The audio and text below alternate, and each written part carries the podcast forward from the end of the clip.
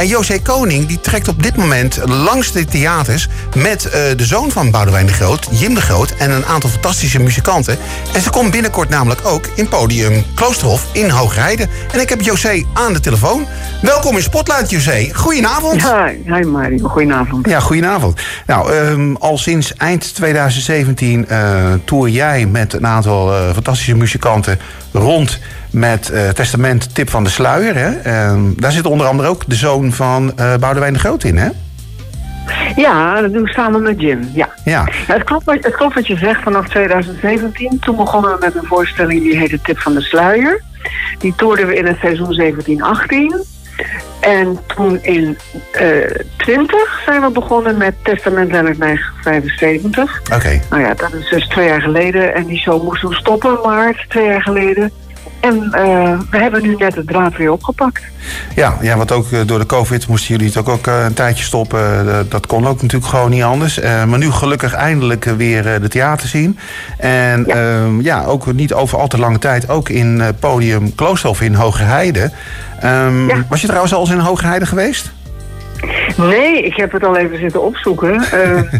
Waar het lijkt me een mooie zaal. Ja, nee, ja. ja. Leuk. Leuk. Er wonen ook allemaal er wonen ook allemaal leuke mensen, dus daar ja, komen zeker. we dan graag naartoe. Ja, zeker. Nou, ik woon er onder andere, dus... nee, maar zonder gekheid. Het, het, is inderdaad een heel mooi dorp, dus uh, je zal het uh, vast uh, wel zien. Ja, het is een show, nou ja, Testament, Tip van de Sluier. Nou, dan denken de, de ouderen onder ons denken van... oh, hey, maar dat zijn toch liedjes van Boudewijn de Groot? Ja, dat, dat klopt inderdaad. Want het gaat natuurlijk over de liedjes van Lennart Nijgen. Ja, het gaat uh, deze keer over, over Lennart. Omdat Lennart natuurlijk altijd de man op de achtergrond is geweest. Tenminste, redelijk. Ja. Uh, zelf nooit op het podium heeft gestaan. Hij noemde zichzelf zanger met papier en pen. Want hij, hij, hij kon niet zingen, maar hij kon wel schrijven. Ja. En uh, ja, Lennart is, is al twintig jaar dood ja. dit jaar. En Jim en ik vonden het wel belangrijk om zijn werk te belichten en ja. uh, de persoon te belichten. Want ja, mensen denken altijd, oh ja, dat heeft Boudewijn de Groot allemaal geschreven. En, maar goed, de teksten komen van Lennart. En daar gaat de voorstelling ook over, daar vertellen we heel veel over. Ja. Ja, want uh, heel veel oudere mensen zullen dat ongetwijfeld al kennen. Zullen waarschijnlijk ook wel zijn naam, mag ik toch hopen, uh, kennen. Maar is het ook de bedoeling om uh, ook jongere publiek aan te trekken? Om ja, ook een stukje geschiedenis te vertellen van... kijk, dit zijn de liedjes die elk jaar in de top 2000 voorbij hoort komen. Maar je weet helemaal niet van wie ze eigenlijk komen. Ja, dat is het wel een beetje de achterliggende gedachte natuurlijk Ja. ook, ja. Ja. Ja, wie, wie was die raadselachtige figuur dan eigenlijk die dit allemaal schreef? En die van die prachtige teksten schreef waar je... Ja, die destijds, in de 60 jaren, toen die eerste hits kwamen van hen... eigenlijk vrij ongebruikelijk waren, weet je wel. Je had tot die tijd had je een beetje wat, eh, wat eenvoudigere teksten. eh de Selvera's of, of eh, Ja. nou ja, weet je wel.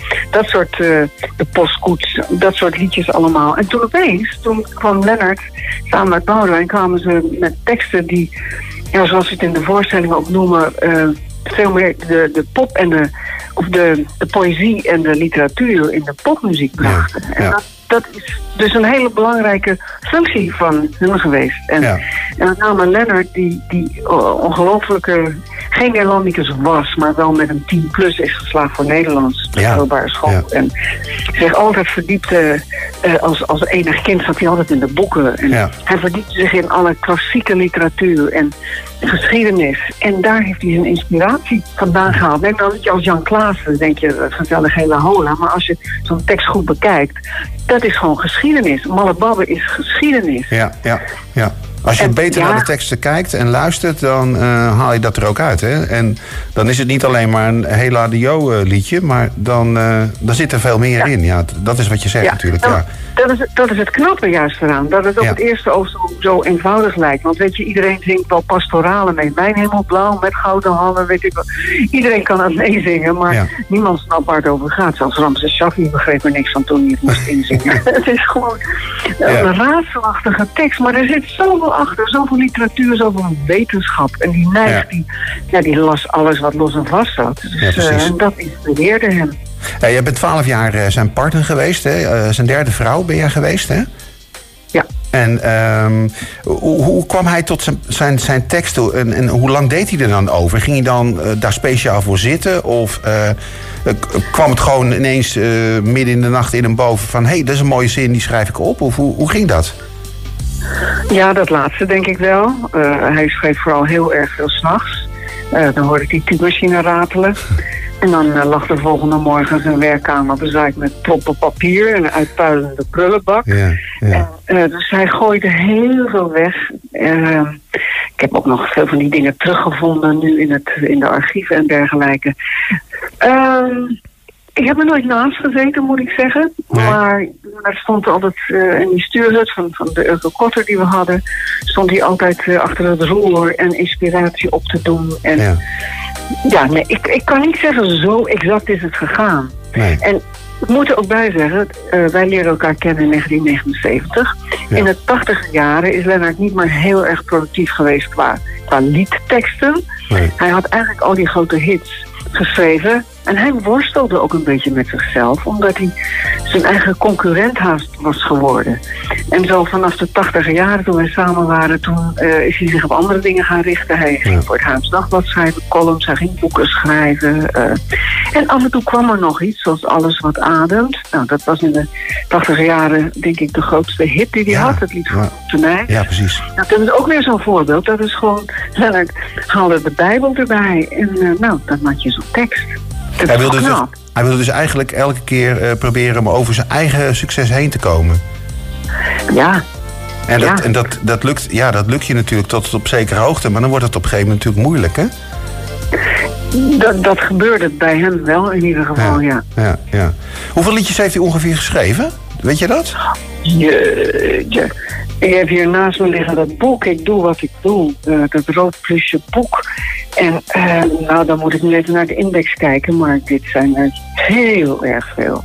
Heel erg veel. Ja. Ze zijn niet genummerd. Ik kan het niet zeggen. Nee, misschien wel duizenden. Nou ja, uiteindelijk wel, denk ja, ik. Ja, want ook niet alle liedjes zijn uiteindelijk natuurlijk ook opgenomen, denk ik. Uh, nee, nee, niet alles was misschien ook goed genoeg om Nee. op te nemen. Nee. Uh, maar ja, als je zo door dat boek kijkt, ik doe wat ik doe, ik kan het aanraden aan iedereen. Ja. Het leest als een, als een spannend boek. Er staat er zoveel in dat je denkt, oh, is dat ook van hem? Is dat ook van hem? Ja. Echt heel veel.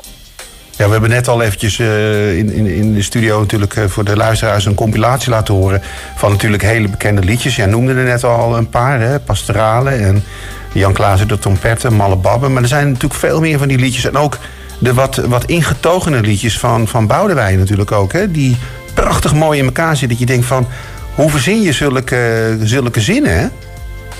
ja. Ja, dat is toch fantastisch? Ja, nou, dat, ja, dat is leuk dat je dat zegt. Want Ja. dat is nou precies waar de voorstelling over gaat. Weet je, het is geen. eh, eh, we hebben geen drums en geen bas. Het- we worden begeleid door piano en gitaar. Maar dat maakt het juist zo mooi en, en subtiel soms. En soms zijn we natuurlijk ook waanzinnig uitbundig. Ja. Maar die, die subtiliteit die, eh, en de teksten waar, waar de voorstelling over gaat, die, eh, ja, dat, dat is genieten voor, voor mensen die het wel een beetje weten. En dat merken we ook. We hebben nu drie voorstellingen gedaan de laatste twee weken. Ja. En eh, de- het leeft zo. Weet je, wat ik bijzonder vind is dat mensen na afloop naar me toe komen en dan zeggen: Ja, maar dat en dat lied, dat heeft mijn leven gered. Of Ja. iets dergelijks. Wel? Dat mensen zich helemaal kunnen vereenzelvigen met een tekst. Dat is toch prachtig? ja, het is zeker prachtig. En die verhalen die dan, eh, die dan inderdaad voor jullie loskomen dan, hè? Ja, heerlijk. Ja, ja, precies. Ja, het, het, het, het lijkt me gewoon een fantastisch mooie voorstelling. Ehm 11 maart dan zijn jullie ook hier in uh, Hoogheide, het podium Kloosterhof. Eh, nou ja, wat we net al zeiden, een prachtig leuk knus theater. En, en, en, en ik, en, ja, ik hoop ook dat het gewoon helemaal vol zit. Het mag ook weer helemaal, hè, helemaal vol zitten. En eh, Ja. dat we kunnen gaan genieten van de liedjes van Lennart Tijg. Ja. Ja, graag. Kom Ja. allemaal. En, ja, eh, het is zo leuk. Ja, en je zei net al in het voorgesprekje met mij, eh, de CD is ook uitgekomen. Nee, sorry, de CD was al uit, maar het is nu ook te vinden op Spotify en al die andere muziekplatformen. Hè? De CD van jullie voorstelling, hè?